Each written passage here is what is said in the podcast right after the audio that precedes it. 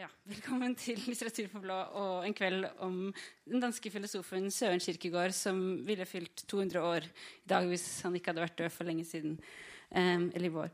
Um, Kirkegård har skrevet en uh, rekke innflytelsesrike verker om valg, moral, plikt og religion, og han regnes ofte som eksistensialismens far. Med oss i kveld har vi den norske kirkegårdoversetteren Knut Johansen, som nettopp er ferdig med et av hovedverkene 'Enten-eller' og professor i idéhistorie ved Universitetet i Oslo, Tromberg Eriksen. Til å styre samtalen har vi vært så heldige å få forfatter Vigdis Hjort, som er svært influert av Kirkegård, og bl.a. i sin siste roman 'Leve posthornet', hvis tittel er et Kirkegård-sitat. Eh, jeg skal ikke introdusere Kirkegård mye, men jeg tenkte å lese en liten passasje fra teksten 'Hvordan det gikk til at jeg ble forfatter', hvor Kirkegård forklarer det han mener er sin oppgave. Her skriver han om hvordan han på en søndagstur legger merke til at folk rundt ham på ulikt vis, enten de er ingeniører, journalister eller jernbaneansatte, eh, hjelper til å gjøre livet lettere for folk. Han spør seg selv 'Hva gjør du?' og svarer, og jeg siterer Her ble min selvbetraktning avbrutt, for sigaren var utrøkt og måtte tennes på ny. Så røkte jeg igjen, og da farer plutselig en tanke gjennom min sjel. Du må gjøre noe! Men da, men da, det for en mann med mine innskrenkede evner vil være umulig å gjøre noe lettere enn det allerede er, så bør du med samme menneskejærlig begeistring som de andre påta deg å gjøre noe vanskeligere. Dette innfaltet tiltalte meg. For når alle er enige om på alle måter å gjøre alt lettere, så er det bare ett som kan true, nemlig at lettheten blir så stor at den blir altfor lett. Så er det bare ett savn tilbake i verden, ennå ikke følt og erkjent, savnet av den virkelige vanskelighet. Av kjærlighet til menneskeheten, i fortvilelse over min forlegne stilling som en mann som intet har utrettet, og som ikke er i stand til å gjøre noe lettere enn det er, av sann interesse for dem som gjør alt lett, besluttet jeg meg da å vie meg til min oppgave, overalt å lage vanskeligheter. Kjære publikum, ta vel imot Knut Johansen, Vigdis Hjort og Trond Berg Eriksen.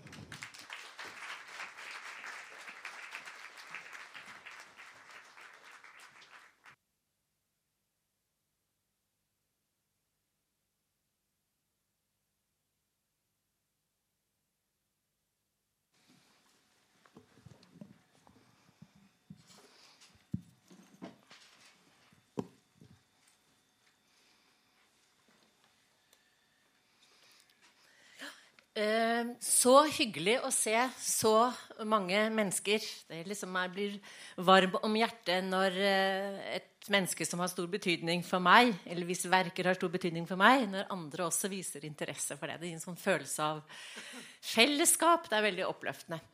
Eh, anledningen eh, for denne kvelden er at vi snart er så heldige å få enten-eller på norsk for første gang. Og Knut Johansen skal åpne seansen ved å lese eh, fra oversettelsen.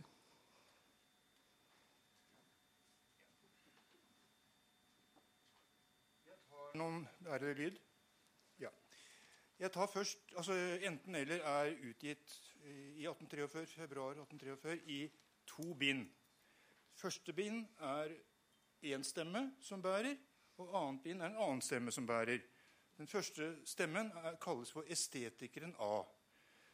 Og den andre stemmen kalles helst for assessor Wilhelm, men noen kaller han også etikeren B. De to representerer to helt forskjellige livsholdninger. Og jeg leser da en prøve på noe som estetikeren har skrevet, for det er det han har skrevet, som står der. Eh, og så leser jeg noe fra assessor Wilhelm, og det er utformet som brever til estetikeren A. Og der vil man, når man setter seg ned og leser boka, oppdage at man får et mye fyldigere bilde av estetikeren A enn man får i det han skriver selv. Du ser han liksom i forsamlinger, du ser hvordan han opptrer overfor folk. Og han blir kritisert sønder og sammen.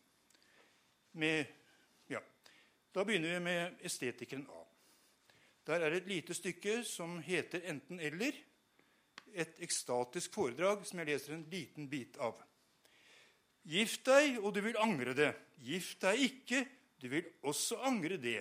Gift deg eller gift deg ikke, du vil angre begge deler. Enten du gifter deg eller du ikke gifter deg, angrer du begge deler. Le av verdens dårskaper, og du vil angre det. gråt over dem.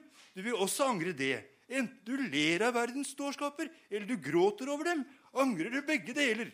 Tro en pike, og du vil angre det. Tro henne ikke, du vil også angre det. Tro en pike, eller tro henne ikke, du vil angre begge deler. Enten du tror en pike, eller du ikke tror henne, vil du angre begge deler. Heng deg, og du vil angre det. Heng deg ikke, du vil også angre det. Heng deg eller heng deg ikke, du vil angre begge deler. Enten du henger deg eller du ikke henger deg, vil du angre begge deler. Dette, mine herrer, er innbegrepet av livsvisdom. Så er det et utdrag av eh, en analyse av Mozarts Don Juan, som også er skrevet av estetikerne, og som eh, vel må sies å være litt mer alvorlig i anslaget. Her er jeg ute etter å finne, fortelle, illustrere skal vi si, lyrikeren Kirkegård. Overtyren begynner med enkelte dype, alvorlige, ensformige toner. Så lyder første gang uendelig fjernt et vink, som like fullt som om det var kommet for tidlig, i samme øyeblikk tilbakekalles, innen man senere igjen og igjen hører, dristigere og dristigere, mer og mer høystemt, denne stemmen som først underfundig, kokett og like fullt som i angst slapp med inn, men ikke kunne trenge igjennom. Slik ser man stundom i naturen, horisonten mørk, skyfull. For tung til å bære seg selv hviler den seg på jorden og skjuler alt i sin dunkle natt. Enkelte hule toner høres, dog ikke i bevegelse, men som en dyp mumling ved seg selv. Da ser man ved himmelens ytterste grense, fjernt i horisonten, et blink Hurtig iler det hen langs bakken. I samme nu er det forbi. Men snart viser det seg igjen. Det tiltar i styrke. Det belyser momentant hele himmelen med sin flamme. I neste øyeblikk virker horisonten enda mørkere, men hurtigere og enda mer glødende blusser det opp. Det er som om mørket selv tapte sin ro og kommer i bevegelse. Som øyet her i det første blink aner ildbrannen, slik aner øret hele lidenskapen i dette hendøende buestrøket. Det er en angst i dette blikket. Det er som om det blir født i angst i det dype mørket. Slik er Don Juans liv. Det er en angst i ham, men denne angsten er hans energi. Det er ikke en angst som er subjektivt reflektert i ham. Det er en substansiell angst. Ikke har man i overtyren det man alminnelig har sagt uten å vite hva man sier, fortvilelse. Don Juans liv er ikke fortvilelse men det er sanselighetens hele makt som fødes i angst. Og Don Juan selv er denne angsten. Men denne angsten er nettopp den demoniske livslyst. Etter at Mozart dermed har latt Don Juan bli til, så utvikler nå hans liv seg for oss i de dansende fiolintonene i hvilke han lett flyktig iler hen over avgrunnen. Som når man kaster en stein slik at den skjærer vannets overflate, og den da en stund kan springe bortover den i lette hopp, mens den så snart den opphører å springe, synker ned i avgrunnen. Slik danser han over avgrunnen, jublende i sin korte frist. Så er det et annet lite stykke fra estetikeren A. Det er et utdrag fra en tekst som heter 'Den ulykkeligste'. Se hvordan de trenger seg frem i talløs mengde, alle de ulykkelige. Men mange er de som tror seg kallet, få er de utvalgte. En adskillelse skal befestes mellom dem. Et ord, og hopen forsvinner. Utelukkende er nemlig utelukkede er nemlig ubudne gjester, alle de som mener at døden er den største ulykke, som blir ulykkelig fordi de frykter døden. For vi, kjære symparanekromenoi, vi som de romerske soldatene frykter ikke døden. Vi kjenner verre ulykke, og først og sist fremfor alt det å leve. Ja, hvis det var et menneske som ikke kunne dø, hvis det er sant det sagnet forteller om den evige jøde, hvordan skulle vi betenke oss på å erklære ham for den ulykkeligste? Da lot det seg forklare hvorfor graven var tom, for å betegne at den ulykkeligste var den som ikke kunne dø, som ikke kunne slippe ned i en grav. Da var saken avgjort. Svaret lett. For ulykkeligst var den som ikke kunne dø. Lykkelig den som kunne det. Lykkelig den som døde i sin alderdom. Lykkeligere den som døde i sin ungdom. Lykkeligst den som døde idet han ble født. Aller lykkeligst den som aldri var født. Men slik er det ikke. Døden er den felles lykke for alle mennesker. For så vidt som den ulykkeligste derfor ikke er funnet, da må han være å søke innenfor denne begrensning. Så tar vi ikke den, og da tar vi ikke den. Så går vi over til den andre herren, som heter assessor Wilhelm. Assessor er forresten en eh, dommer i en rett der det er flere meddommere. Det er altså en lav embetsmann. Han er eh, forholdsvis ung, 30, par og 30 år, og har kone og to barn, små barn. Her er det en eh, Skal vi kalle det for noe? Han eh, Ja, jeg leser i vei. Han snakker til sin unge venn, da. Ser du, min unge venn, dette liv er en fortvilelse. Skjul det for andre. For deg selv kan du ikke skjule det. Det er fortvilelse. Og likevel er dette liv i en annen forstand ikke fortvilelse. Du er for lettsindig til å fortvile, og du er for tungsindig til ikke å komme i berøring med fortvilelsen. Du er som en fødende, og likevel holder du bestandig øyeblikket tilbake og blir bestandig i smerten. Hvis en kvinne i sin nød fikk den idé om det ikke var et uhyre hun skulle føde, eller ville overveie med seg selv hva hun egentlig skulle føde, så ville hun ha en viss likhet med deg. Hennes forsøk på å stanse naturens gang ville være fruktesløst, men ditt er vel mulig, for det et menneske føder ved, føder ved i åndelig forstand, er viljens nisus formativus, og den står i menneskets egen makt. Hva frykter du da? Du skal jo ikke føde et annet menneske, du skal bare føde deg selv. Og like fullt, jeg vet det godt, det er et alvor i det som ryster hele sjelen. Å bli seg bevisst i sin evige gyldighet er et øyeblikk som er mer betydningsfullt enn alt i verden. Det er som om du ble fanget og bundet og nå aldri mer, verken i tid eller evighet, kunne slippe bort. Det er som om du tapte deg selv, som om du opphørte å være. Det er som om du i neste øyeblikk skulle angre på det, og det ikke lot seg gjøre om.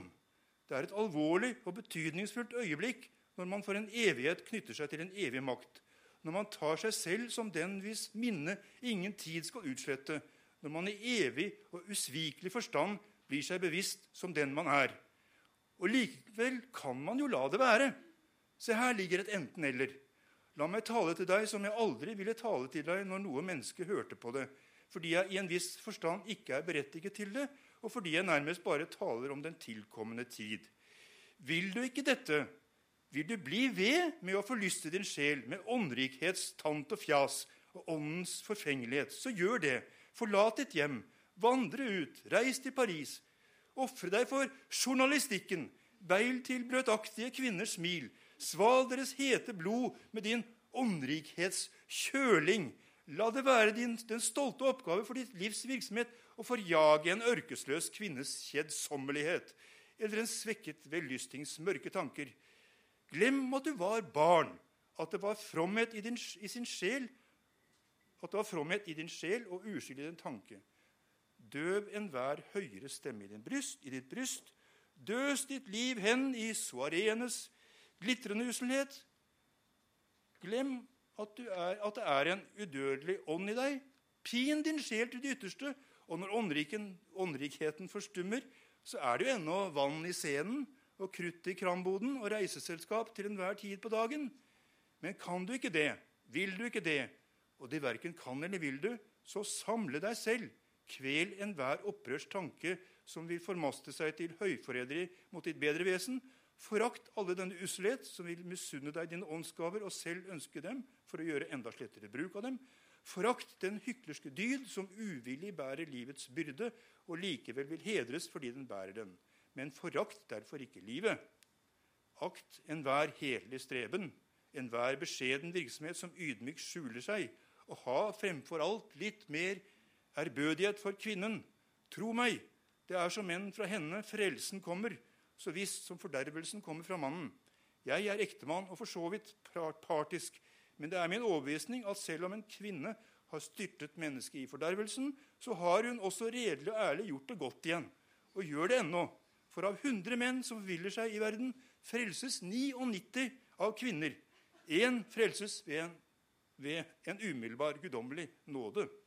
Og da jeg nå også mener at det hører en mann til å fare vill, enten på den ene eller den andre måten, at dette gjelder med samme sannhet som mannens liv om mannens liv, som det gjelder om kvinnens, at hun bør forbli i umiddelbarhetens uskyldige fred, så innser du lett at etter min mening gir kvinnen helt og fullt vederlag for den skade hun har gjort. Hva har du da å gjøre? En annen ville kanskje si 'gift deg', så får du annet å tenke på. Ganske visst. Men det blir et spørsmål om du er tjent med det, og hvordan du tenker på det annet kjønn. Du tenker tross alt for ridderlig til å ville gifte deg av den grunn. Og dessuten kan du ikke styre deg selv, så får du neppe noe annet menneske som er i stand til det. Eller man vil si søk et embete. Kast deg inn i forretningslivet. Det adspreder. Og du vil glemme ditt tungsinn. Det er det beste. Kanskje vil det lykkes deg å komme så langt at det synes glemt. Glemt er det ikke. Glimtvis vil det bry likevel bryte frem forferdeligere enn noensinne. Det vil da kanskje være i stand til det som det hittil ikke har klart å overrumple deg. Dertil kommer hvordan du enn tenker om livet og dets gjerning, så vil du likevel tenke forridderlig om deg selv til av den grunn å velge et embete. For det er jo tross alt en form for falskhet, liksom den å gifte seg av den samme grunn. Hva er det da å gjøre? Jeg har bare ett svar. Fortvil!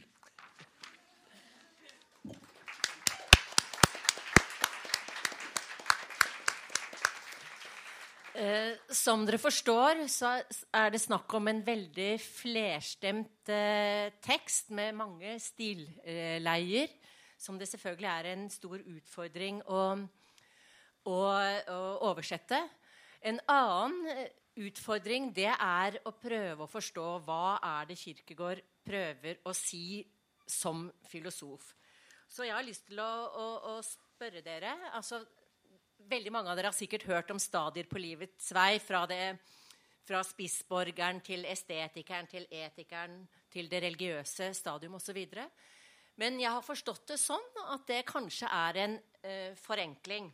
Så jeg har tenkt å, å spørre om begge dere to om, um, om, det er, om det er hvordan man skal forholde seg til at det utledes en slags form for helhetlig filosofi av et såpass uh, inkonsekvent, usystematisk, idiosynkratisk uh, forfatterskap, for å sitere Rune Lykkeberg i Klassekampen. Hva tenker du om det, Trond Berg Eriksen? Jeg tror det er et selvstendig poeng det at han ikke vil meddele en uh, filosofi, altså en lære. Kirkegård er jo en av de første moderne filosofer i den forstand at hans uh, filosofi er filosofikritikk.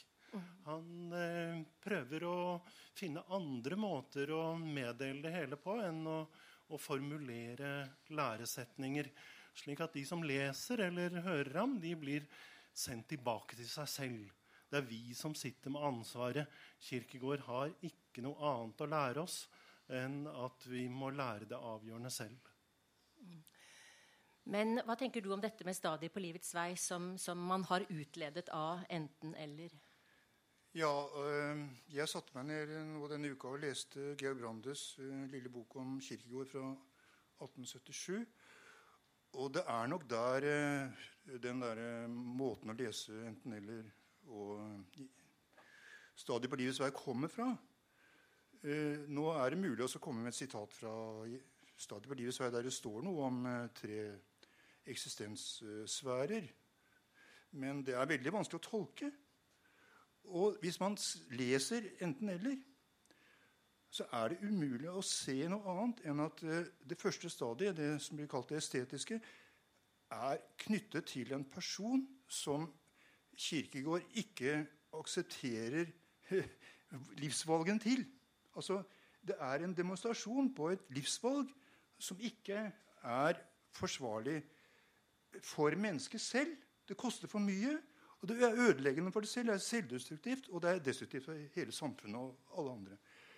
Og så, men så kjører da Kirkegård ut hele den verdenslivsanskuelsen på en meget altså, imponerende måte. ikke sant? Det er et glitrende innlegg for den måten å leve på. Men det er det forkastes jo helt da, av, eh, av assessor Wilhelm, som er Kirkegårds stemme i den boken. Helt sikkert. Og der ser man med en gang man begynner å lese en annen del, om, som det blir kalt den etisk, liksom et etiske stadium, at dette her er en mann som er totalt fundert i, i eh, evangelisk-luthersk eh, kristendom. Hele, hans syn på ekteskapet, på arbeid, plikten til arbeid, plikten til å ha venner, er altså så til de grader luthersk fundert. Og det er ikke mulig å se bort fra det. Det gjør heller ikke Brandes. Brandes kritiserer Kirkegård for at han ikke klarer å gjennomføre planen med tre stadier. Fordi at det etiske stadiet er blandet med det religiøse. Men det er bare det. Det er bare sånn at det Kirkegård gjør, er å fortelle hvordan han skulle ønske at han hadde vært i stand til å leve sitt liv hvis han ikke hadde vært den han var. Og det er altså det, er det ideelle liv til, det, til, folk flest som skildres i, hos assessor Wilhelm. Men Kirkegård vet selv at han ikke kan leve sånn. Fordi han er eh, ja, Åge Henriksen kaller det for eh, en, Han er plaget av en ensidighet og sykdom i fantasien. Det er en måte å snakke om eh, bipolar lidelse på. Altså, En som er plaget av så til de grader ensidighet og sykdom i fantasien kan ikke være utadvendt. Han kan ikke i trene et ekteskap. Og Derfor må han finne en annen måte å leve på. Og det er det det, nesten, det øvrige forfatterskap handler om. Hvordan en som er øh, har en ensidighet og sykelighet i fantasien, må finne seg en måte å leve på. Sånn sier jeg det. Noen som, ve som, veldig mange også for, forbinder med Kirkegård, er jo dette spranget ut på de 70 000 favners dyp. Eller dette med på en måte altså at, For han ender jo i det, i det, religiøse. Han er jo en religiøs eh, tenker. Men så sa du noen, Eriksen, når vi satt og snakket her nede, at du, du sa at for deg så var det ingen forskjell på Sartre, som kaller seg for en ateistisk eksistensialist, og Kirkegård. Det må du utdype. Ja, jeg er litt eh, uenig med Knut når det gjelder det der med eh, det estetiske stadium. For riktignok forkaster han det estetiske som livsmodell. Men det er likevel hans. Det er han som portretteres. Og hans livs fortvilelse er jo at han aldri kommer ut av det estetiske stadium. Han blir aldri noe annet enn en dikter. Han skulle ønske at han var en brav borger. Han skulle til og med ønske at han var et religiøst geni. Men han er ingen av delene. Han dikter seg inn i muligheter som han ikke kan oppfylle. Og der hvor han er krassest, der hvor han er mest avvisende, er det faktisk eh, sin eh, egen livsskjebne og sine egne livsvalg han eh, kommenterer. Kirkegård er estetikeren, etter min oppfatning. Han er verken etikeren eller den religiøse.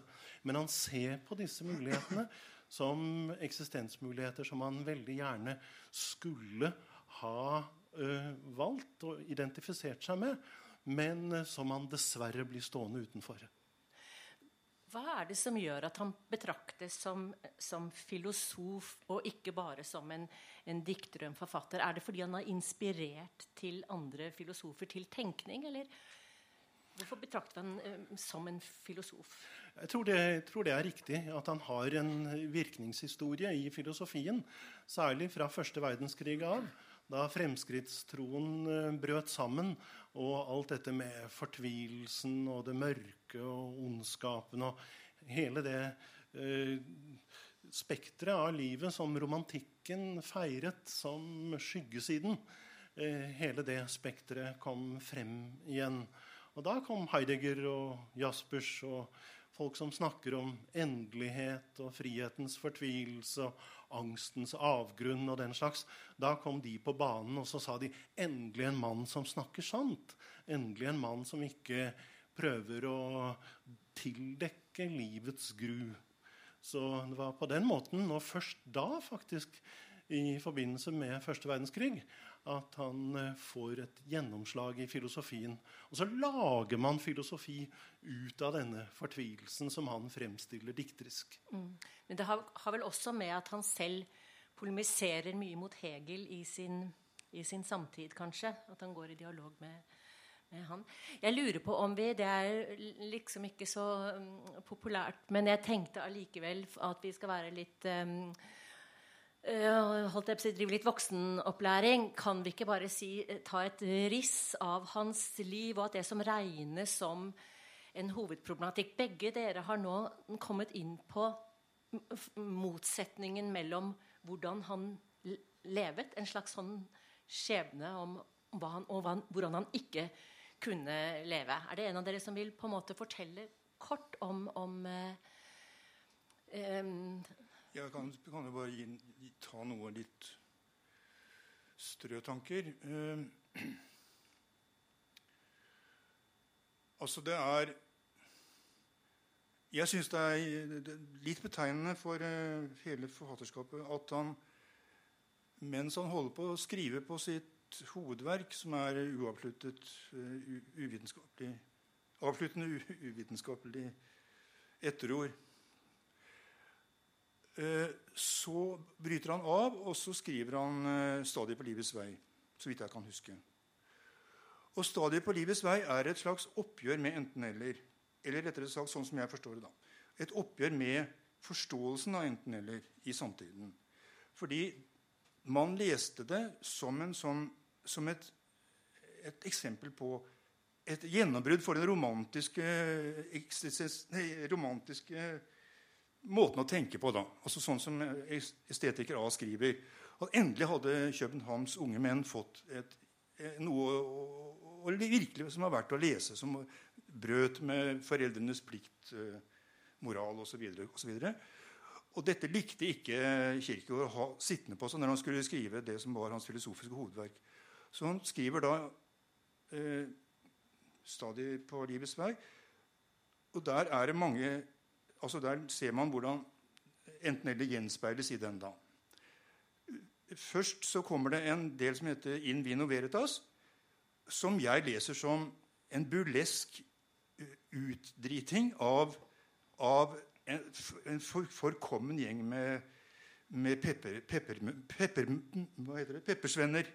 Som ikke tør å tenke på å gifte seg fordi det er, er så vanskelig! Og det, altså, det er så eksaltert og så så til de grader at ingen alvorlig leser kan ta det der som utslag for noe, for noe form for alvor.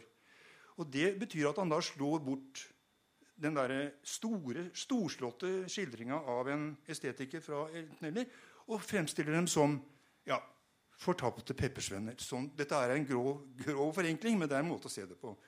Så er det en gjenspeiling av, av eh, forførerens dagbok i Stadiet på livets vei'.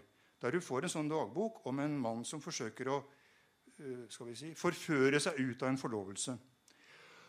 Det er altså til de grader så forskjellig fra forførerens dagbok i enten-eller, som er glitrende og, og, og medrivende, og, og, som handler om en mann som virkelig klarer å gjennomføre altså Sette ut i livet sin minste tanke Alt lykkes når det gjelder å forme den andre menneskets liv og tanker. Mens i, i den der stadiet seg, så lykkes absolutt ingenting av det den der, den der mannen som prøver å komme seg ut av forlovelsen. Ingenting lykkes. Og du ser hvordan han, han, han, han seiler rundt i et hav av tungsinn. Og det er et tungsinn som virker totalt lammende, og som som, som Det er den type som du ser for deg Hvis du tenker på én ting, så ser du for deg 100 måter det kan gå skikkelig gærent på. Og du klarer ikke å tenke på en annen måte. Det er en skildring der. Det er veldig lite sympatisk, og det er veldig lite morsomt å lese. Men det er så til de grader avslørende for den der estetikeren som Kirkegaard i virkeligheten er. Og det er helt fantastisk at han klarer å skrive det der. altså. Og så slutter boka med noe som egentlig er en, en bro over til, til, det store filosofiske verket. da. Og det er, må jeg innrømme har veldig store vanskeligheter for å forstå, men uh, det er mye interessant der. altså.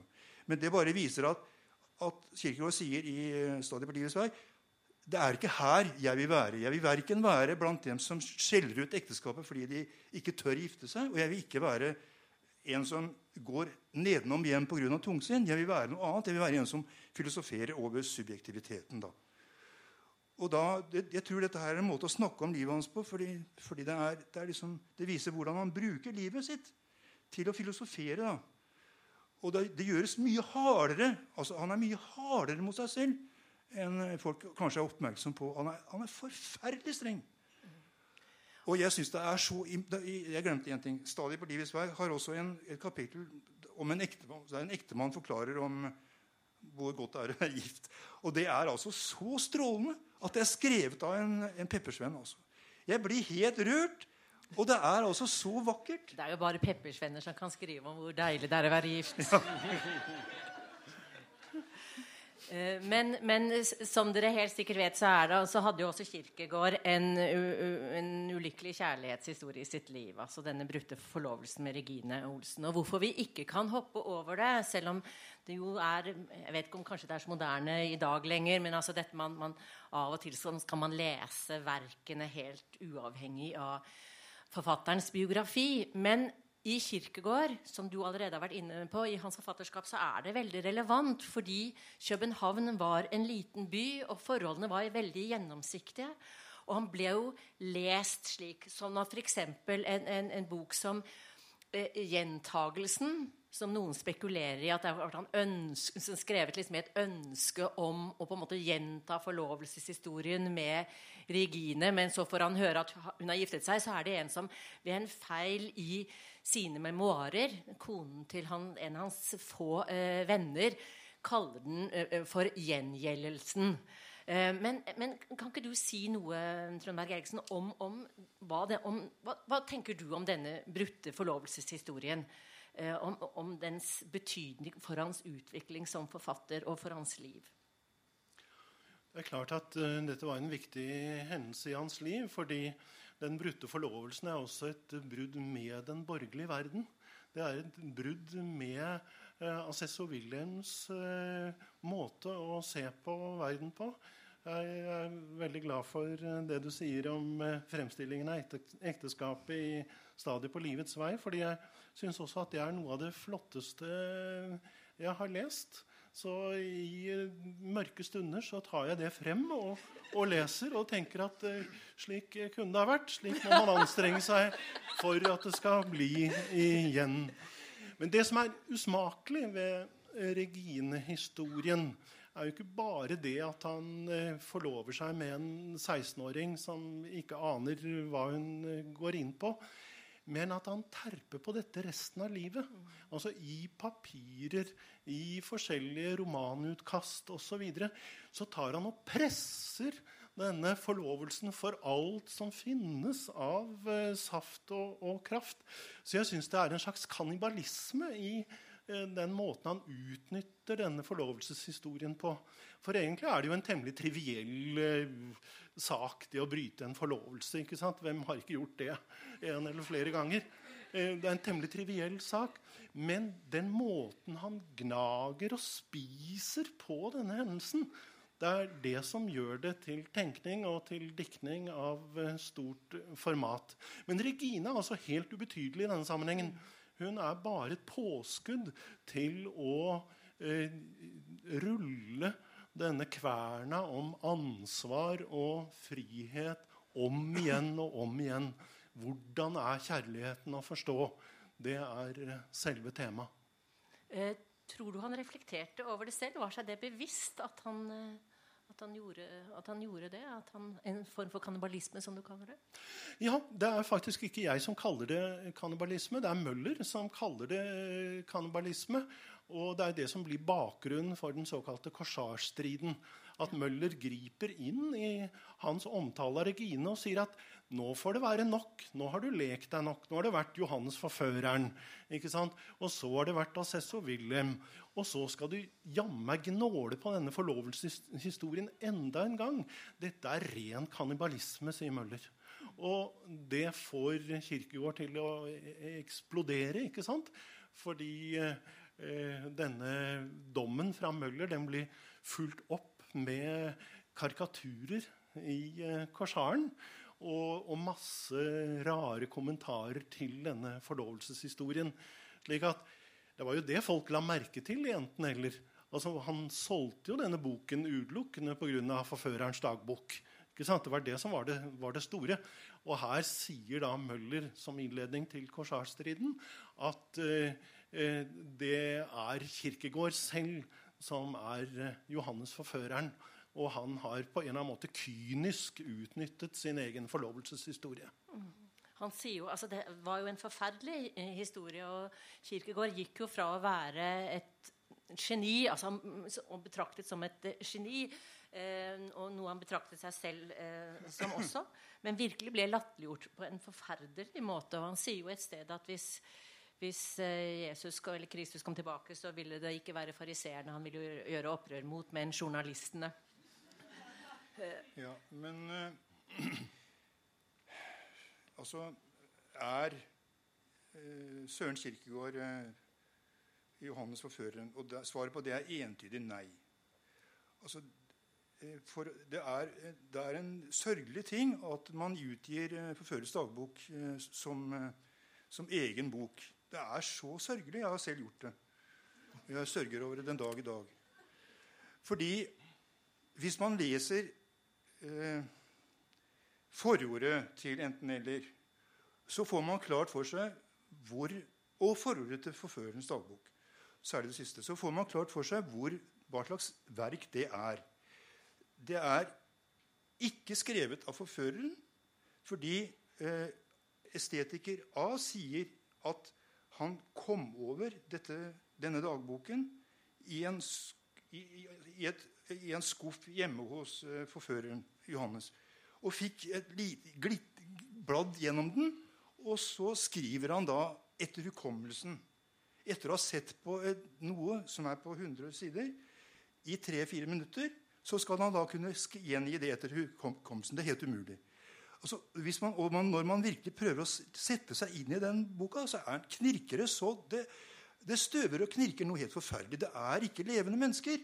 Det er en, rett og slett en, en marionett som, som, på en måte er en drøm i hodet på estetiker A om hvordan dette livssynet han har, eller livsholdningen han har, ville kunne bli hvis det ble satt ut i det ytterste.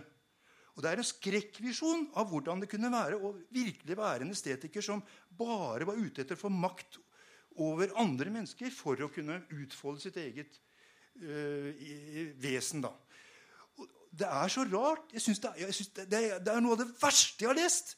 Altid, Jeg, jeg hater den boka hvis du skal snakke helt alvorlig. Selvfølgelig er det moro å oversette den, og jeg skjønner godt at folk blir fascinert.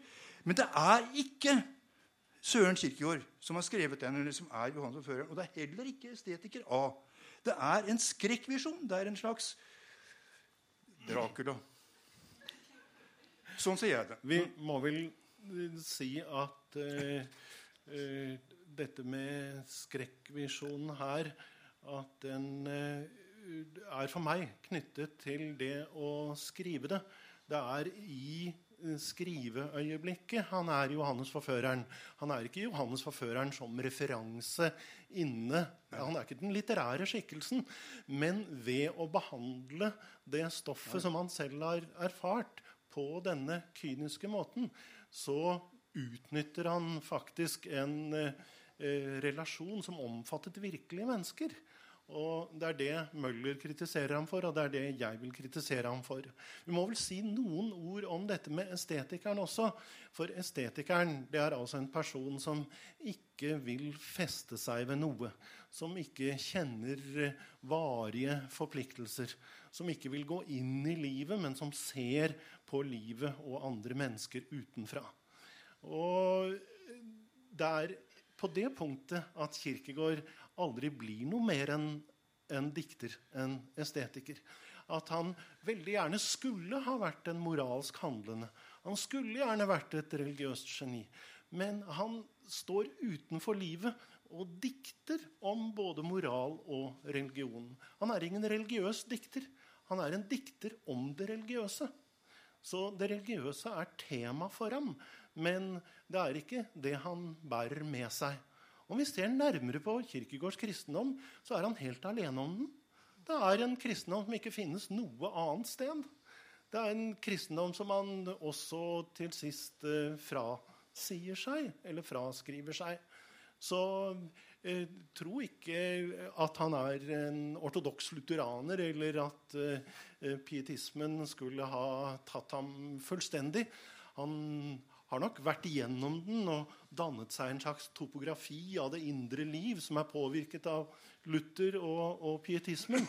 Men han er aldri ordentlig inne i den selv. Han skulle på mange måter ønske at han var det. Og den eneste måten han kan nærme seg den livsmuligheten på, det er å dikte. Å dikte seg inn i den. Men da vi til, kan vi komme til frykt og beven, hvis vi kan si noen, snakke litt om den også. Fordi at jeg må innrømme at jeg har lest Når jeg leser den, så, så, så har jeg alltid tenkt på at her får Kirkegård til noe som jeg ikke får til. Eh, du som har oversatt den, kan ikke du fortelle kort om, om den lille boken, hva den tar opp? Ja. Jeg vil bare si et ord om eh, det med Luther eh, og Kirkegård. Altså, det jeg prøver å si, er at uh, assessor Wilhelm er uh, evangelisk-luthersk og står for den lutherske etikk og pliktmoral. Og det, det, er veldig godt å lese det. Fordi vi som har vært profesjonelle ateister i perioder av vårt liv, og som nå ikke lenger gidder å være det så dumme Vi, vi har så dårlige bibber når det gjelder eh, lutheranisme og Luthers pliktetikk. Og når du leser assessor Wilhelm, som da jeg kaller for lutheraner osv., så, videre, så ser man hvor, rikt, hvor rik eh, den eh, skolen innenfor etikken er. Og hvordan den knytter mennesket til det virkelige liv og til samfunnslivet. Til vennskap, til kjærlighet, til ekteskap. På en måte som, som gir luft og himmel over det. Og det er så fint. Dere skulle lese det mens dere er unge. Ja. Så man slipper å ja. ja, trøste du, seg. Du man... stiller meg et veldig vanskelig spørsmål. Jeg skal Men Jeg tenker om Abraham og Isak. Ja, jeg skjønner det, men uh, jeg skal prøve å samle tankene om det. Ja, altså det jeg, jeg, Mens jeg satt og oversatte Satt og oversatte, jeg, ja. Satt og oversatte 'Frykt og beven', så, så leste jeg om igjen uh, T. Singer og jeg leste også den der boka om eh, Bjørn Hansen. Det første boka om Bjørn Hansen, av Dag Solstad. Og så slo det meg at jeg begynte å skjønne frykt og beven. Jeg har også oversatt eh, begrepet angst, og den har jeg altså ikke forstått på noe tidspunkt. Og jeg vet ikke hvorfor jeg ikke klarer å lese den, men jeg klarer ikke å lese min egen oversetter om igjen. Når jeg er oversatt, så er det ikke, jeg klarer ikke å se, se på det igjen. Så jeg må lese den på dansk, da. Men skitt i det. Jeg syns jeg skjønte frykt og beven fordi jeg så for meg T. Singer. Husker dere den? Altså Han har, er i et forhold der han har bestemt seg for å skille seg. Og i det øyeblikk, den kvelden han har bestemt seg for å si det til kona, så omkommer hun i en bilulykke. Og hun har da en datter på 11-12 år, Eller? Og han og Da kommer en søster eller noe sånt av den omkomne og sier at vi kan ta henne. vi. Og så sitter T. Singer en hel natt og snakker med en eller annen ikke tilstedeværende bestevenn om hva han skal gjøre. Og han krangler og krangler og krangler med denne vennen, men står på sitt. Og vennen er ikke der, altså. Det vil si han snakker med Gud, på en måte. Og så bestemmer han seg for at han skal beholde, eller ha den dattera hos seg. Det som er Poenget mitt er at dette her kan ikke Singer snakke med noe menneske om. Etter at han har tatt beslutningen, så er han ikke i stand til å si til noen hvorfor han har bestemt seg for å beholde den dattera. Alle syns han har tatt en feil beslutning og gjort livet for vanskelig for seg. Men han vet at han har bestemt seg for det. Han har, en, har gjennomført en slags trosakt som han ikke kan betro noen. Han kan ikke forklare det. Han kan ikke, han kan ikke meddele det i språk til andre. Og Det er det som er eh, essensen i frykt og beven. Altså. Som, som, for den delen som jeg husker og, og skjønte mest av. At eh, Abraham står der. Han vet at Gud har bedt ham om å ofre sin sønn eh, Isak. Isak. På bålet. Og, og, ja, som brennoffer. Men eh, eh Kirkegård terper og terper og terper på at dette kan man ikke snakke med noen om. Altså, Hvis han hadde begynt å snakke, så ville folk sagt Er du helt gæren, eller? Jeg kan ikke finne på å gjøre det der. Og, og, han, han, hadde ikke kunnet meddele sine beveggrunner for å gjøre det. Han kan bare gjøre det i samtalen med Gud, da, som er, eh, som er den relasjonen som, som, som fins som en mulighet for å meddele seg eller gjøre seg klar om sånne ting som vi kaller trosakter. Og det er ganske sterkt. Det samme gjelder jo også i Solstads eh, Bjørn Hansen da han bestemmer seg for å ta den der, greia, den der ferden med å sitte i rullestol resten av livet. Ja, eller han får jo også besøk av sin sønn. Og det er jo en forferdelig far-sønn ja. Eh, relasjon som utvikles der hvor, hvor, faren forakter sønnen. Men det som jeg tenker Ja, men det, jeg mener at Han kan ikke meddele og Dette er, Nei, ja. altså noe han gjør. Han vet, han vet, nesten ikke hvorfor han gjør det, men han bestemmer seg for det. Det er han, da. Mm. Det er det jeg mener. Altså Den trosakten er Dette er meg.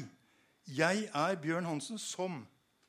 Han definerer seg sjøl. Det er det som er det kirkegårdske her. At han, at han definerer seg selv i denne her trosakten. da. Og det, da, det, er en åpning for meg til å begynne å skjønne litt av Kirkegård. For det er, det er viktig å skal vi bruke ordet, naturalisere dette her. også. Mm. altså. Vi må prøve å se det, det menneskelige innholdet i det. Men, ja. ja nei, men, men, det er jo nettopp det som jeg syns er komplisert og krevende. Fordi han, han kaller Kirkegård kaller Eller ja, det er ikke det er Johannes eh, Silencio. Silencio. Um, Abraham for troens ridder. Fordi at Abraham på en måte altså det er i fire små fortellinger med bitte små variasjoner. Men i hvert fall så er det det at Abraham gjør, gjør det. Han går til det i en sånn 100% tillit til Eller en tro på, på Gud, da. Liksom uten, uten tvil. Og, ja. Um, og det som er jo litt interessant når dette drøftes, så, skriver, så står det jo da at hvis en prest hadde preket dette om at Abraham går ut og ofrer Isak og da en vanlig liksom, bonde eller sånn, hadde vært i menigheten den dagen tenker oi, presten snakket så fint om det, så får jeg gå hjem og gjøre det samme. Da ville jo folk komme og si han var gal og sende han i fengsel og på galehus osv. Så, videre. så er det da om hva er det som gjør at Abraham ikke er en gemen, eh, gemen eh, morder. Og så står det da her, i forlengelse av dette eh, fra baksiden på den norske oversettelsen. Forfatteren konkluderer gjentatte ganger med at dersom det ikke er slik at den enkelte ved troen opphøyer seg over det etiske og det allmenne Da må dere ha i bak bakhodet at de greske heltene, når de ofret eller var tvunget til å ofre sine familiemedlemmer, så var det til det allmenne vel for å vinne en krig og få vinden med seg, f.eks. osv. Men over det etiske allmenne eh, er det eh, Er det er det Forfatteren konkluderer at etiske allmenne er Adam fortapt bare som en gemen morder å betrakte. Om denne opphøyelse av enkelt, den enkelte over det allmenne kan man imidlertid ikke tale, fordi talen, språket, er i det allmenne. Og da syns jeg da han ad, ad, ad, hva heter det, abdiserer Hva tenker du om det, Trond Uh, nei, jeg er ikke helt enig i det. Fordi eh, d- dette gjelder jo ikke bare troshandlinger.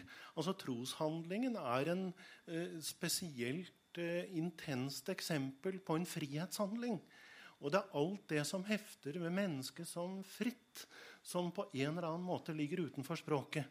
Det er derfor det ikke går an å beskrive eksistensen heller. Eksistensen er det vi er. Det er ingen gjenstand. Det er det som aldri kan bli gjenstand. Friheten er heller ingen gjenstand. Friheten er det som aldri kan bli gjenstand. Så dette med Isak og Abraham og offerhandlingen er bare et spesielt grelt og iøynefallende eksempel på at frihetshandlinger ikke kan tydes. Frihetshandlinger kan ikke fremstilles som forstandige eller fornuftige eller nødvendige. Det er derfor de overskrider språket. Nå, var jeg Så nærme å forstå det har jeg aldri Aldri eh, vært det, Men bare ta Ja, det er nettopp det. Det skal jeg komme tilbake til når du snakker om, om virkelighet. Men da, da har jeg her mine jeg, Trond Berg Eriksen var min eh, lærer på idéhistorie. Og her har jeg mine notater om Sart. som er skrevet etter her. Men det er det da altså at eksistensen går forut for essensen. Som er det hovedsakelige i, i, da, i Sarts eh, Hvor han er inspirert av Kirkegård. Også hvor, hvor eh, du, eller i denne boka, eh, 'Eksistensialisme er humanisme', så er eksempelet det at hvis et menneske skal lage en, en brevkniv, så har han et menneske en, en, en, en sånn forestilling om kniven og hva den skal brukes til.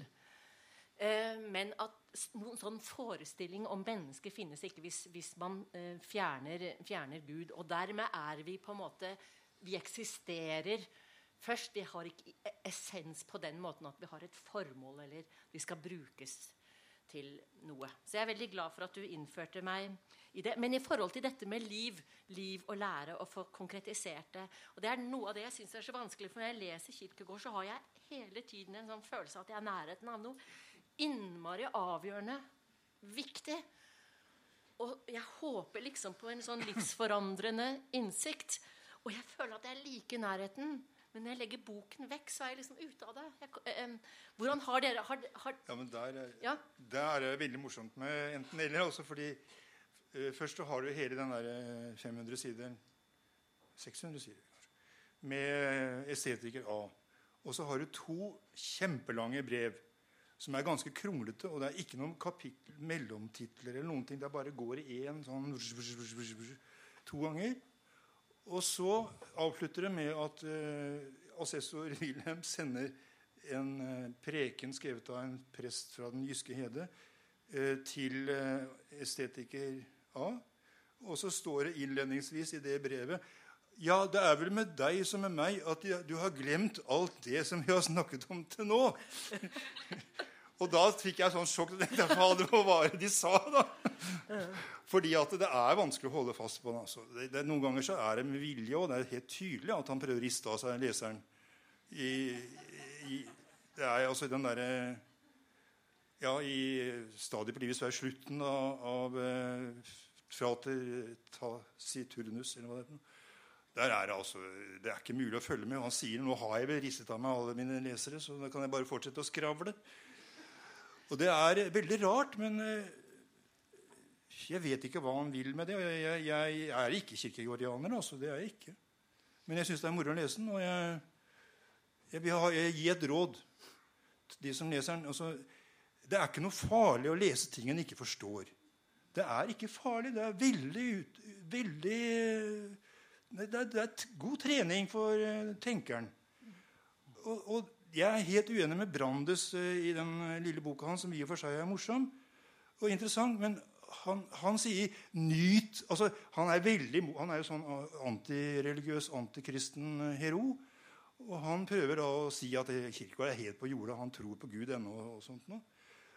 Men så sier da Brandes Men nyt det, nyt stilen, nyt litteratur, forfatterskap altså, Ja, det kan man selvfølgelig gjøre, men det er mye av det mest interessante og mest tankevekkende er, er forferdelig dårlig skrevet. Med vilje, altså. Altså den der som jeg snakka om, om eh, eh, den der dagboka i Stadiet livets vei er altså helt uutholdelig, egentlig. Men les den. Les den. Kjenn Kjenn åssen det er å, å ha, være plaga av ensidighet og sykdom i fantasien. Kirkegård hadde jo ett uh, fortrinn fremfor moderne forfattere. Og det var at han ikke behøvde å arbeide. Han uh, kunne bruke all sin tid og alle sine krefter på å skrive. Og han var heller ikke avhengig av at noen kjøpte bøkene hans. Derfor kan han uh, gjøre sånn som du sier. Han kan mishandle sine lesere prøve å riste dem eh, av seg. Liksom, fordi han er interessert i den enkelte, den enkelte leser som tar den belastningen på seg. Tar den eh, forvirringen inn over seg som bøkene hans skaper. Altså Han eh, vil forferdelig gjerne gjøre det sånn som det ble lest innledningsvis her. Han vil gjerne gjøre det lette vanskeligere. Og gjøre det iallfall vanskeligere enn det synes å være. Og det må dere også huske på når han peker nesa dere som eh, lesere. er at uh, disse vanskelighetene som dere støter på, er ikke tilfeldige. Det er vanskeligheter som faktisk er en del, en viktig del av den kommunikasjonen han driver med dere som lesere. Men jeg må spørre har dere på en måte Har det hatt betydning for livet? Hvordan man lever? Altså det, jeg prøver av og til å sånn Tilstedeværelse, valget Prøver jeg liksom sånn å tenke et kirkegård og så, Nei, jeg må sette på en oppvaskmaskin. Liksom. Men, men jeg tenker på altså, Jeg har så lyst til at jeg har så lyst til noe skal forandre livet mitt, og så kaster jeg meg over den ene kloke mannen etter den andre, og så skjer det ikke noe. Men skjer det noe med dere? Ja, jeg tror vel kanskje, om jeg skal si litt for egen del, så vil jeg si at liksom Ibsens 'Brann' mm. og Kirkegårds eh, 'Enten-eller' har vært betydningsfull for å holde meg på den romantiske siden av streken. Ja. eh, altså fordi det er eh, lett når man har eh, ideer om at livet faktisk er eh, større enn det synes. At det har dimensjoner som delvis er skjult. Eh, at det finnes en, eh, et alvor, eller som jeg sa til deg, en utopi om alvor, som det er verdt å forsøke å leve opp til. Der tror jeg jeg liksom fremdeles bærer Kirkegård og, og Nietzsche med meg. Nei, jeg er helt upåvirket, så det Nei da, jeg syns jeg syns jeg Ja, nå har ikke jeg holdt på til plantene så lenge som, som du, men jeg begynte med begrepet angst i 2001. Og har gjort en del andre, da, som dere skjønner. Men det, er, det tror jeg er en del av en vekst som uh, kommer fra mange andre kilder. Altså, men jeg liksom merker at uh, Jeg har allerede røpet det. Altså, man rister av seg den der, den der kjedsommelige profesjonelle ateismen. Og ser at det må være en, det er, et, det er, noe, det er en himmel over eh, menneskelivet. Altså. Det er en himmel. Og den, den nærmer han seg. Men nå må vi huske på at Kirkegård ikke er én forfatter. Altså. Det, er, det, er epok, det, er, helt åpenbart forskjellige stadier. Og du nevnte så vidt korsarferden. og eh, Det som da kommer ut av den fra 54 og utover, er jo ikke akkurat noe som en har lyst til å snakke om. altså det, er, det, er, en rabiat eh, kirkehater som, eh, som kommer nokså uventet inn fra kulissene, syns jeg. Men det, det, kan godt sikkert forklare noe. Men eh, jeg holder den, den delen av kirka utenfor når jeg tenker på, på verket hans. Jeg, altså, men Det er sikkert feil, men man må begrense seg. Jeg syns det er den, den derre den delen som eh, Der han er filosof, da. Synes jeg er mest Han er jo ikke bare én forfatter, han er jo en hel forfatterforening. Ja, det er sant. ja, og der er det mye tull og tøys og uro og polemikk. Men, men um, det jeg tenkte på med, med, med, med kirke, kirkehateren, som du sier uh, Det har da hatt betydning? Eh, altså at, hvordan han gikk løs på hele prestevesenet og kirken og de, de, formene deres og sånn. Jeg trodde kanskje at det, altså, det har bidratt til å modernisere Kirken, eller har det ikke hatt noen sånn funksjon i det hele tatt? Litt vanskelig å si. Jeg er jo interessert i dette fordi eh, det ble oppfattet så veldig forskjellig. Eh, på den ene siden så setter han i gang Indremisjonen. Mm. Det er Kirkegård som uh, står bak Indremisjonen i Norge. Yes. Uh, på den annen side så begeistrer han folk som Brandes. Ja, som altså er ateister på sin hals. Og jeg som historiker og som hermeneutiker er jo jeg veldig interessert i hvordan en kan være Sartres hovedinspirasjon og samtidig grunnlegge Indremisjonen i Norge. Ja, det er jo ja, det er en implikasjon, da. Jeg skjønner. Det var interessant. Men det er jo noe med kraften i, i uttrykket og det kunstneriske uttrykket. altså Det han skriver om pressen og kirkevesenet og sånn, det er jo så frekt at det er en fryd, fryd, å, fryd, å, lese. slik at nesten uansett hvilken posisjon man har, så kan man finne noe hos Kirkegård som man vil ha enormt stor, stor eh, glede av. Eh, vi begynner å nærme oss at vi skal, eh, skal, slutte, men jeg har veldig lyst til å komme innom forholdet til faren. Og det er også et forhold som har med fordi uansett om han er en kirkehater mot slutten, så er altså Han tenker veldig mye om religion. Og han skriver jo i disse dagboksopptegnelsene sine at han er opptatt utrolig strengt i kristendommen. At han virkelig har fryktet den, og dog så var jeg så draget til den. Og han har vokst opp med en, en, meget streng, eh, så vidt vi vet, og kristelig eh, far. Og han, i sine dagboksopptegnelser så kretser han rundt noe som Garf i sin biografi snakker om en form for sånn mishandling, skråstrek, overgrep. Og vi vet ikke hva slags art det har, om det er religion eller sånt noe. Men hele den fascinasjonen og ambivalensen til kristendommen har det noe med farens rolle å gjøre? Tror dere det? Såpass mye freudianere må vi kunne være at uh, når man snakker om Gud som Fader vår, og har et utrolig problematisk forhold til sin egen far, så får man også et utrolig problematisk forhold til Gud. Mm. Ikke sant? For her er den farsmetaforen den er jo mye mer enn bare en metafor. Eh, Gud er en usynlig far, riktignok. Og man har jo også synlige fedre. Men eh, svært mye av eh, Kirkegårds samvittighetskvaler, hans angst for ikke å strekke til, hans tro på at han har en skyld å sone Alt dette henger sammen med forholdet til faren og farger forholdet til Gud. Ja, jeg føler meg ikke på fast grunn på det området. Jeg har eh, selvfølgelig lest Garf store Sakk-biografi, men ikke så mye annen biografi. Jeg, men jeg, er, eh, jeg, må innrømme at jeg er eh, veldig antifreudiansk, så jeg har veldig vanskelig for å tro på sånt som det der. Men det er bare sånn der, det er med kanskje litt koketteri. Det skal man unngå. Men, men det er altså Kristendommen er jo en alvorlig sak uansett hva slags far en har. Og i enten eller to så slutter han med en preken, som sagt, skrevet av en annen, men som uh, assessor uh, Wilhelm innestår for. Helt og fullt. Og der er uh, hovedbudskapet uh, Overfor Gud har du alltid urett. Og det er jo rystende. Det er jo en skrekkelig form for religion som sier at du har alltid urett overfor Gud. Men eh, det er ikke så skrekkelig hvis en tenker over hva det består i.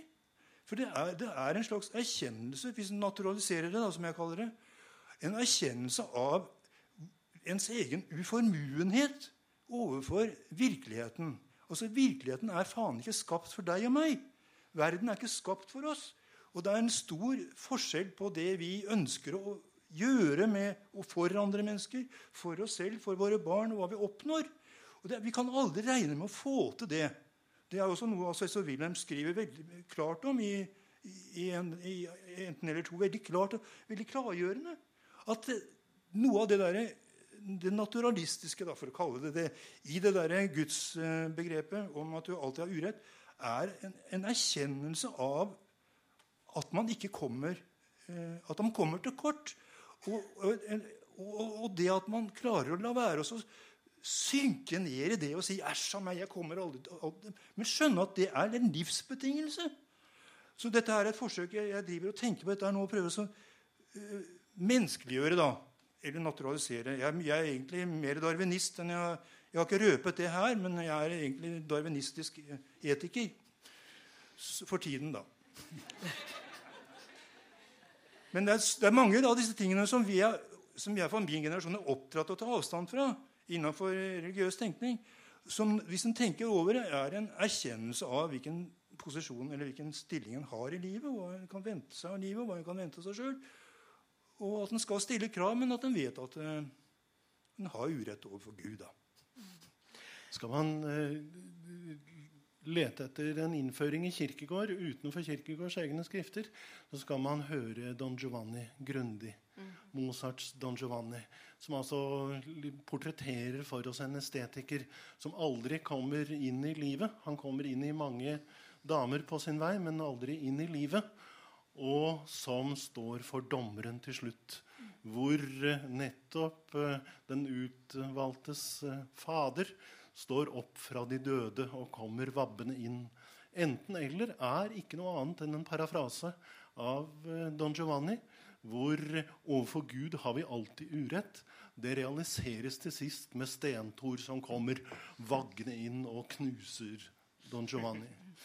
Eh, en anekdote er jo at Regine Olsen og Søren Kirkegård var og så Don Giovanni, eh, som Kirkegård så mange ganger. Det var jo liksom det stykket han elsket mest. Og så gikk de etter uh, tror jeg. Um, og så ble det og så sa, um, er det ryktene da som sier at uh, han har sagt nå har du fått liksom forsmaken, sier Svein Kirkegård til Regine. Så, så nå går vi som en liksom antydning av hva som kommer til å skje. At han ikke få forsmaken på forlovelsen, og så var det hele, hele over. Men for å bare eh, mot slutten bare si noe om eh, Freud. Altså Freud har eh, kaller han, han, snakker om det som han kaller Han er jo opptatt av drømmer. Det er faktisk en tenker som har gitt meg han, Som jeg syns er viktig i, i, livet. Har fått livsforandrende med et forhold til min, mitt underbevisste via drømmene mine. Det må jeg si. Men han men han skriver at han snakker om der hvor noe han kaller drømmens navle. Hvor det liksom er en sånn kanal inn til det, um, det Både det ubevisste og det umulige og det nesten uerkjennbare. Men også den type innsikt som han er overbevist om at man finner utenfor laboratoriene og statistikkene. At det finnes andre veier til stor menneskelig innsikt. Og det er den følelsen av å være i nærheten av en sånn navle jeg har når jeg leser Søren Kirkegård, og som jeg fikk allerede som student, selv om jeg ikke da skjønte noe som helst, men som gjør at man særlig i sånn livskriser Jeg husker jeg satt og, og, og leste Det var Johannes Løk på vei fra fly fra, fra New York. var et par og 30 år og satt og leste da, med disse stadiene. Men jeg bare skjønte jeg er en spissborger. Gift med en spissborger. Jeg har født tre spissborgerlige barn. Jeg må skille meg. Noe jeg gjorde med alt hva det innebærer av spissborgerlig arbeid. Og så gikk jeg eh, meget livlig inn i det estetiske stadium. Og var der en lang tid. Så har jeg på mine eldre dager tenkt at jeg må eh, lukte litt på det, på det mm, etiske. Men, men, eh, skal vi snart avslutte. Men jeg bare nevne, spørre om én ting. fordi at når vi er inne på Freud, og vi har snakket om faren Så i disse utallige skriftene som han har, og dagboksnotater, og, som er en uhorvelig mengde, så nevner han ikke sin mor én eneste gang. Og hun var født, hvis jeg skal tro på Garf Det var fire, fire døtre, den familien. Det var en som het jeg tror det var Marie, eller sånt noe, og så het de tre etterpå Ane, Ane og Ane. Dette så skjønt Noe som skapte for, litt forvirring i familien. Så, så moren til Søren Kirkegård ble kalt for Lille-Ane. da. Men tenk, tenk, at man kunne kalle tre døtre og Ane, Ane, Ane. Men, bare, men han, hvorfor nevner han ikke sin mor én en eneste gang? Har, altså, er ikke det besynderlig? Som, jeg spør som mor nå.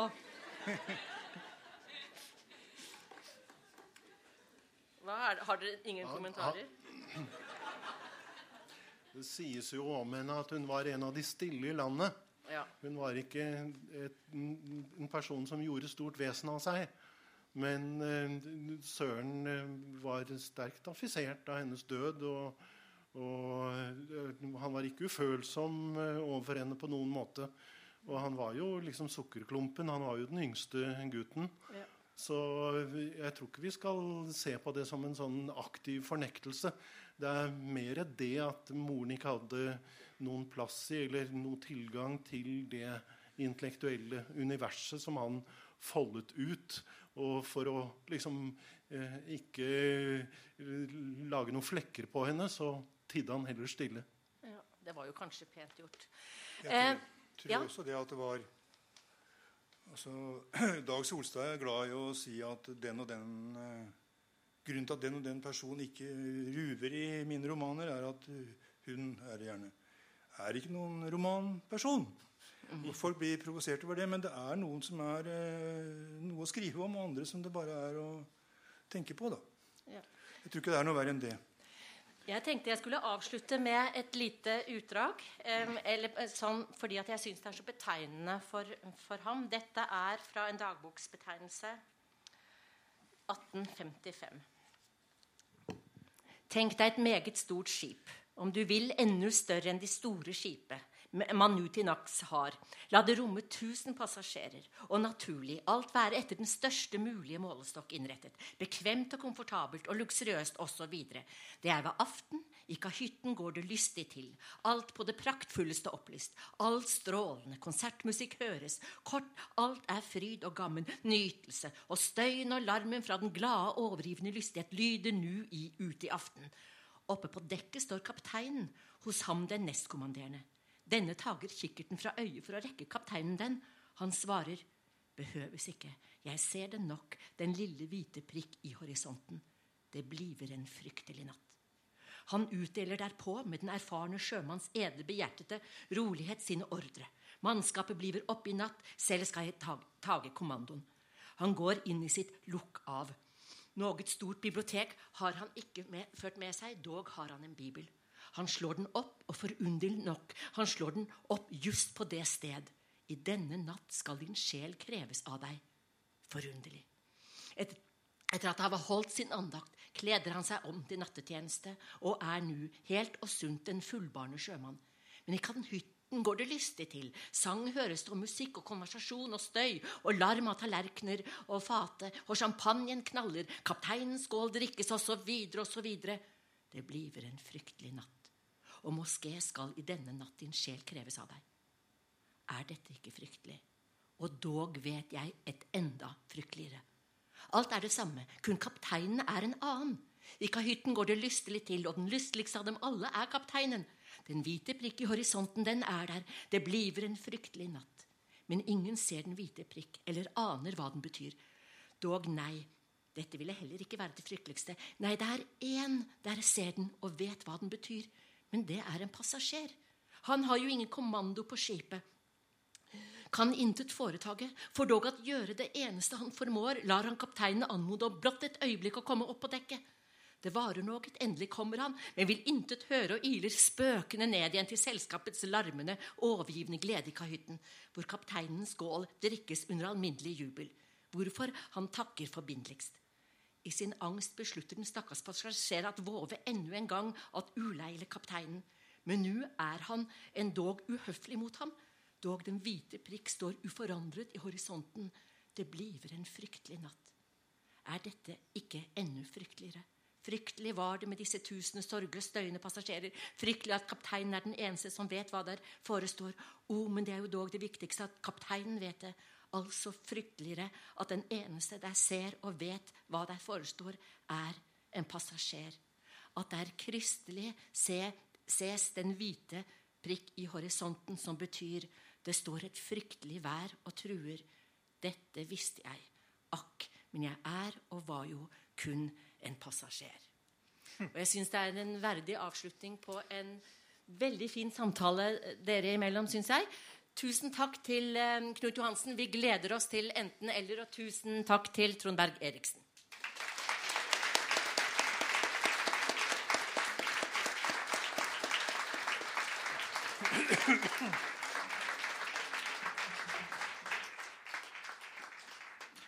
Ja, og tusen takk til Vigdis Hjort og hele panelet.